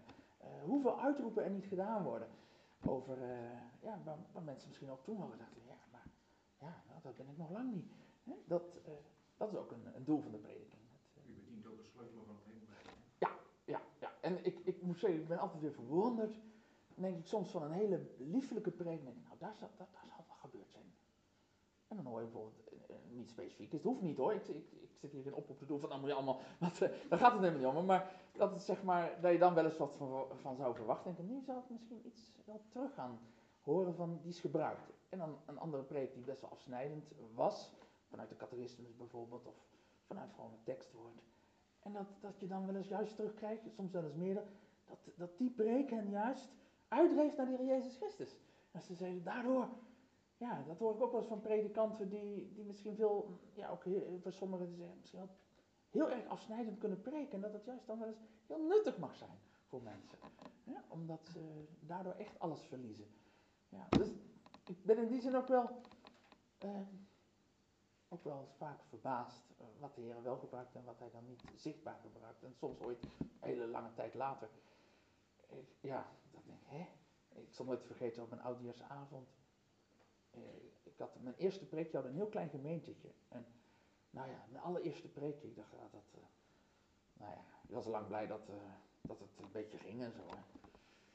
Nou goed, je verwacht daar niks van. En, en toen, twee jaar later, was ik weer in dat gemeentetje en stond een oude vrouw bij de deur te wachten op een taxi. Dus ik maakte een praatje met haar. Ze ja. Ik zeg, ja, Erik, mijn eerste preekje gehouden, mevrouw. Alsof ik dat niet weet, zegt ze. En ze ging heel die preek herhalen. Althans, de, lijn. Dat u dat nog weet, dat zal ik nooit meer vergeten, zegt ze. Het is voor mij gebruikt. Nou ja, ik ging echt eh, huppelend het oude jaar uit hoor. ja, dat is toch, dat is waar je naar uitziet hè. Dat is waar je naar uitziet. Ik zag nog, een, eh, nog wat vingers. Eh, meneer, en dan kom ik weer. Ja, nu noemen we het Descartes en de subjectieve waarneming, de objectieve werkelijkheid. En dan uh, ik gaf het voorbeeld van die piano, hè. Wat deed de voorzitter allemaal op? Dat is de voorzitter. Oh, dat was u, ja. Ja, dat is. Ja, ik heb een naam genoemd. Dit- Straks even aan de vraag. Oké, ja.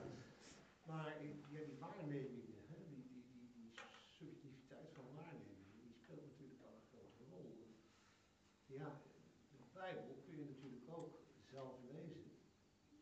Dan ja, heb je begeleiding nodig, denk ik, want die is behoorlijk complex om te lezen, denk ik zelf. Maar er zijn ook ontzettend veel geloofsrichtingen die de Bijbel toch iedere keer weer een stukje hè, een, een beetje anders interpreteren. En, en hoe kijkt u daar tegenaan? Rond een, ja, een andere kerkgenootschap, of een andere richting binnen het protestantisme of de katholieke kerk. Ik ken bijvoorbeeld de apocryfe schriften wel, en eh, de protestantse kerk blijkbaar niet. Eh, hoe kijkt u tegen die verschillen aan als het gaat om toch algehele waarheid eh, die verkondigd moet worden? Oeh, dat is een hele ruime vraag hoor. Eh, ik denk niet dat ik die zomaar even kan beantwoorden, maar laat dit voor, vooropstellen. Ja, Voor mij is natuurlijk. ja, voor mij is echt de Bijbel van kaf tot af eh, Gods waarheid. Ja. En als het niet zo was, dan uh, zal ik u eerlijk zeggen, dan ging ik nu vanavond nog stoppen met preken. Ja. Dan ging ik, nou, wat ging ik dan doen? Weet ik niet. Ja, nee, echt, ja, ja. ja, echt. interpretatie van die Bijbel. Dit is, eh, en ja, nou ja, dat is wel een interpretatie, maar ik ga niet eerst uitzoeken, dit is van God en dat is niet van God. Kijk, natuurlijk zitten menselijke dingen in die over mensen worden beschreven en God heeft gewild dat het erin kwam. Maar ik ga niet vaststellen, nou ja, dit is echt wel heel duidelijk een eigen visie van Paulus, daar hebben we dus niks mee, dus dan gaan we voorbij. En da- oh, dat is wel weer van, eh, van God. Ja, dat, nee, nee, dat, dat, dat doet men, hè. In de Bijbel vind je iets van God terug. En dat is een, een groot gevaar. Want dan, eh, ja, dan moet ik de eerste halve van mijn preek gaan besteden aan wat is, wat is van God en wat niet. En dan kan we pas, eh, dan kan ik het pas gaan uitwerken. Ja. De helft al van de tijd voorbij. Nee, nee, nee, nee. Dus eh, Maar hoe kijkt u daar tegenaan dat het ook in verschillende kerken... ja, triest. En ik vind het ook niet gek dat mensen dan weglopen en zeggen, ja sorry, maar als dit het dan is. ja, wat hebben we hier dan mee? Ja, wat, waarom zouden we ons daar la- door laten reguleren? Ja, dat is wel de vol- vervolgstap natuurlijk. Hè. Ik denk dat het, het, kerk, grote kerkverlating wel te maken heeft met gewoon de steeds verminderde visie op de schrift. Althans, het eh, verminderen van schriftgezag. Dat het daar toch mee te maken heeft. Ja. Als je dat loslaat, ja. hè, dat, dat zie je natuurlijk in de... Ja, professor Kuitert eh, op een gegeven moment zegt, ja, alles wat in de Bijbel staat hebben we zelf bedacht. Ja, waarom zou ik dan nog naar die verhaaltjes gaan luisteren? Ja, dan is dat eh, hetzelfde niveau als dat een, een ander boek lees of een filmpje ga kijken. Nou, dan maak ik het zelf wel uit. Eh, dan heb ik hier niks meer mee. Dus laten we maar eh, het gezag van het woord. Dat is echt Ja, maar Ja. die uitleg, ja. Komen we nog een keer op terug. Ja, ja oké. Doe nog een vraag. Ehm, ja, Nog één? over, die, eh, over het onderscheid maken tussen toegeneemd geloof en verzekerd geloof. Uh, je noemde net het voorbeeld van die uh, bloedvriende vrouw, dat je dat eigenlijk daar wel uit kunt destilleren. Ehm, maar als je bijvoorbeeld Hebreeën 11 vers 1 leest, dan lijkt toch wel dat het geloof per definitie zekerheid in zich heeft. Hè? Uh, de vaste Mhm. grond van de dingen die men hoopt en bewijs van de zaken die men Zeker. ziet. Hoe, hoe duidt u dat, zeg maar? Geloof komt, wat mij betreft, eh, vanuit schrift als, als per definitie iets zekers. Nou, dat wat van Abraham wordt gezegd, dan denk je perfect. Die man was echt perfect, toch? Die had altijd een vast geloof. Maar waarom noemt hij Sarah als een, zijn zuster? En waarom neemt hij Hagar als tweede vrouw? Was dat ook uit geloof? Bepaalt niet, hè? Nou, daar heb je hem al. Dus Abraham was ook niet eh, volmaakt in zijn geloof. Heeft ook twijfels gehad. En op een gegeven moment zegt ja, nou, eh, God doet het dus toch niet. Hij zal het dan wel op een andere manier willen. Maar ik, ja, dan moeten we dan zelf maar oplossen. Dus ook, ook hij was een man van gelijke beweging als wij. Elia, nou wat een man. De kracht God stond hij. Wat heeft hij gedurfd? Wat heeft hij gezegd? En dan heeft hij de baalpriesters laten doden. En even later ligt hij moedeloos onder een jeneverstruik. En dan zegt hij, nou, voor mij hoeft het allemaal niet meer. Hij is gewoon echt moedeloos. En hij, hij ziet geen, geen perspectief. En God moet hem zelf weer eh, verschillende keren daar gaan bemoedigen. Ook daarvoor heeft God dat gedaan. Elia, jij denkt dat je de enige bent, hè? maar dat is niet waar. Er zijn er nog 7000 voor. Eh, eh, dus ook, ook bij hen was de twijfel. En als we naar de discipelen kijken, dan zie je toch ook, zelfs bij de berg der verheerlijking, of de, eh, de samenkomst van 500 broeders, dan staat er, en sommigen twijfelden. Is dit wel echt? En ze eh, konden van blijdschap niet geloven. Dan zit er, gaat het vooral vanuit de blijdschap. Maar ehm, ja, het geloof heeft momenten waarop misschien wel langere tijden dat het heel zeker is. Maar weer tijden dat het erg aangevochten wordt. En, dat, en de een heeft daar ook weer meer last van dan de ander. Je hebt kinderen gods die heel stabiel zijn in hun geloof. Eh, en, en, en eigenlijk, ik heb wel eens een vrouw moeten zeggen, ja sorry dominee, maar ik, ik mag toch echt eh, eigenlijk altijd zo vast geloven. Ik ken zo weinig twijfels. En ik heb iemand op haar sterfbed ook gezien die dat zei tegen me, joh, al maandenlang heb ik geen enkele aanvechting meer. De duivel is ver weg, ik durf er nooit meer terug te komen. En, en zo is ze ook gestorven. En ja, ik was er echt jaloers op. Dus, maar kijk naar Luther. Hè, wat een aanvechting heeft die man ook gehad. En terwijl hij ook tijden gehad dat, nou, inderdaad, dat hè, vaste burg. Neem goed en bloed ons af. Nou jongen, dat kan niet op, kan niet op. De toppen van het geloof. Ja, en, en hij heeft ook tijden gehad dat het een hele kleine man was. En dat hij, nou, dat hij behoorlijk in de lappenmand zat geestelijk. Nou, dus dat is. En dan zijn erbij, en dan wil de Heer dat ook versterken in de loop der tijd. Onze vaderen wijzen daarop, hè, meer zekerheid ontvangen in de, in de weg van de middelen, door het geloof, in de belofte. Maar ook door een leven dicht bij de Heer Jezus en dicht bij het woord. Iemand die veel toegeeft aan de zonde, die weinig in de heiligmaking vordert, heeft vaak ook veel onzekerheid.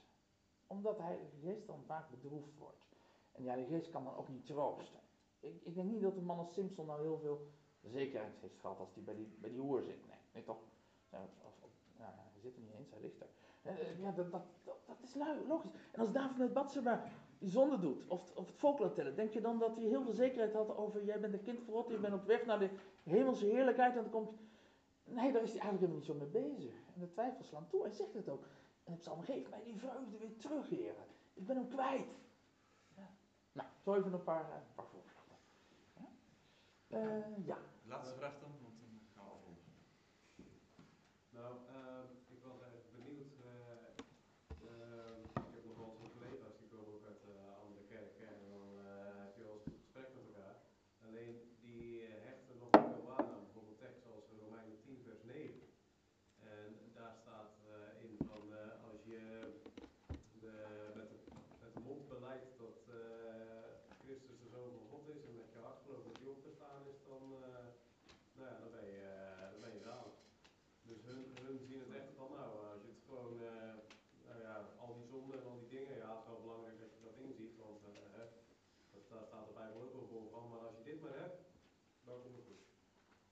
Dat is de kern, ja, maar daar ben ik het ook wel mee eens. Ja, maar ik, ik ben het er ook, ook mee eens. Zo gezegd, in, in die, ja, hun gebruik en zo, vind ik misplaatst. Maar, Ja, ja, ja. Kijk, als het is om, om vervolgens heel oppervlakkig eh, eh, verder te kunnen leven, en uit je hele levenswandel blijkt het verder ook niet, dat er een, inner- een vereniging is met Christus, want dat zal dan toch blijken. Ik bedoel, hoe kan iemand een goed huwelijk hebben en nooit thuis zijn, en nooit tijd voor zijn man of zijn vrouw hebben, en, eh, en het er ook nooit over hebben, en zeggen, ik heb een goed huwelijk. Nou, Jezus zegt, het is een huwelijk. Nou, een geestelijk huwelijk. Dan, dan, dan komen daar toch vruchten van de stille omgang. En dan leer je ook als die bruid meer en meer kennen, die zwarte bruid die die rijke Christus nodig heeft. En nou, eh, eh, aan de vruchten kent men toch de boom. En internationaal kom je ze gelukkig toch ook gewoon overal tegen. Zal nooit vergeten dat ik in een huisgemeente zat en dat de Chinees tegen mij zegt, een ontwikkelde man was het, hij werkt aan de universiteit en hij zegt tegen mij, heb je dan ook zo'n last van tijd zo vaak niet zeker weet? Zegt hij, had je Tokio, eh, Pe- Peking, sorry, Peking. Je Peking. Hè? Ja, zegt hij, weet je, Paulus, die, die, wat een zekerheid had die man, hè. Hij zegt, ik verlang wel eens naar ik een briefje uit de hemel zou krijgen waarop mijn naam zou staan. Ik nou, eh, ik ook. Dacht ik, ja, het is ook daar dus. Ja, ja, ook daar. Ja, het is toch, eh, de profeet zegt, ik zal mij doen overhouden een, een arm en een ellendig volk dat op de naam des Heren zal betrouwen. En dat, het is hier op aarde ten dele, alles ten ook het geloof is ten dele. Als het geloof hier volmaakt zou zijn, en, en er dus geen aanvechting zijn, dan zouden we eigenlijk al in de hemelse heerlijkheid zijn. Maar het geloof is ook ten dele. En dan zou Satan dus blijkbaar niet meer machtig zijn, want waarom heb ik dan nog een wapenrusting aan te trekken? Dan hoeft Paulus dat ook niet te zeggen. Dan heeft hij ook geen vat op mij. Maar Paulus zegt, doe aan, trek aan die wapenrusting. Eh, pak dat borstwapen, trek het aan. Laat je niet le- leiden door gevoelens, maar alleen door geloof. Zet een helm op, kijk. Kijk naar de toekomst, naar de eeuwige toekomst. Strijd met dat zwaard in je hand, eh, enzovoort. Ja, en, en dat schild van het geloof om die pijlen af te weren, dat zou allemaal niet nodig zijn. Hè? Denk alleen aan de vurige pijlen, dan stop ik hoor. Eh, vurige pijlen, zegt Paulus. Waarom een vurige pijl? Nou, een vurige pijl, eh, men, men eh, vuurde van die pijlen af, die letterlijk in de brand stonden. Want de bedoeling was dan dat je schild in, in de fik zou vliegen. En dus er komt zo'n brandende pijl aan en die, ja, dat alles eigenlijk zou ontvlammen. Dat kleding zou gaan branden. En dus iedereen weet als je in brand staat, dan komt er paniek. En mensen gaan rennen en gaan meer dingen in brand. Dus het, het heeft iets van het vreet voort. Een brandende pijl in je hart, dat is de twijfel die voortbrandt. En die eigenlijk de zekerheid helemaal bij je weg gaat nemen. Dat bedoelt Paulus met brandende pijlen. Hè? Van Satan begint met een klein te trekken aan, is het echt wel waar? En vervolgens gaat het vuurtje verder en verder. En, en, de, en de Satan is machtig. Ik weet niet of je het gelezen hebt in de, in de laatste terdege, een interview met dominee Peden Butter. Ik heb hem zeer hoog staan. En die man heeft veel boeken geschreven. Hij zegt, maar mijn laatste boek over de duivel. Hij zegt, ik heb nog nooit zoveel aanvallen ervaren als bij het schrijven van dit boek. En mijn vorige boek heb ik met vreugde geschreven. Hij is inmiddels al eind 80. Hij zegt, maar dit boek, ik ging twijfelen. Aan een heleboel dingen, zelfs aan mijn eigen bekering. En, en aan, de, aan de belofte. Ik ging twijfelen of het woord nog wel waar was. Hij zei, zo had die Satan het op mij gemunt. Die ging echt zo'n vurige pijl in, in mijn hart eh, schieten. Dus, dus dan denk je, ja, maar ik was wel blij dat hij dat zo eerlijk vertelde. Dat, eh, ja, want als, je, als nou iemand dacht, iemand nooit twijfels zou hebben, zou hij het wel zijn. En dan vertelt hij het gewoon, klip en klaar. Maar ook de macht is nog wel van Satan. En dat ons, ons hart daar ontvankelijk voor is. En daarom ja, waken, bidden, dicht bij hem leven, dicht bij het woord. En, en die wapenrusting aantrekken. En dan, eh, Dan zou dat verschillen in religies of uitleg van de Bijbel ook het werk zijn van die boze macht. ja, zeker weten. Ik, ik, Ja hoor. Ja, dat doet, eh, dat eh, ja hoor. Ja, ja. ja, vindt hij heerlijk. Verdeel en heers. Verdeel en heers. Hè. Jezus zegt, ja, en, en toen ze zeiden, u bent zelf een duivel, zegt hij, nou dat kan niet, want ik ben een duivel uit. Dus dan zou het huis van de duivelen tegen zichzelf verkeerd zijn. Dus dat kan niet. Maar de duivel eh, doet dat wel, ja, verdeel en heers. Maar wij proberen de eenheid te bewaren. en ik, meneer de voorzitter, ik geef u het woord weer terug.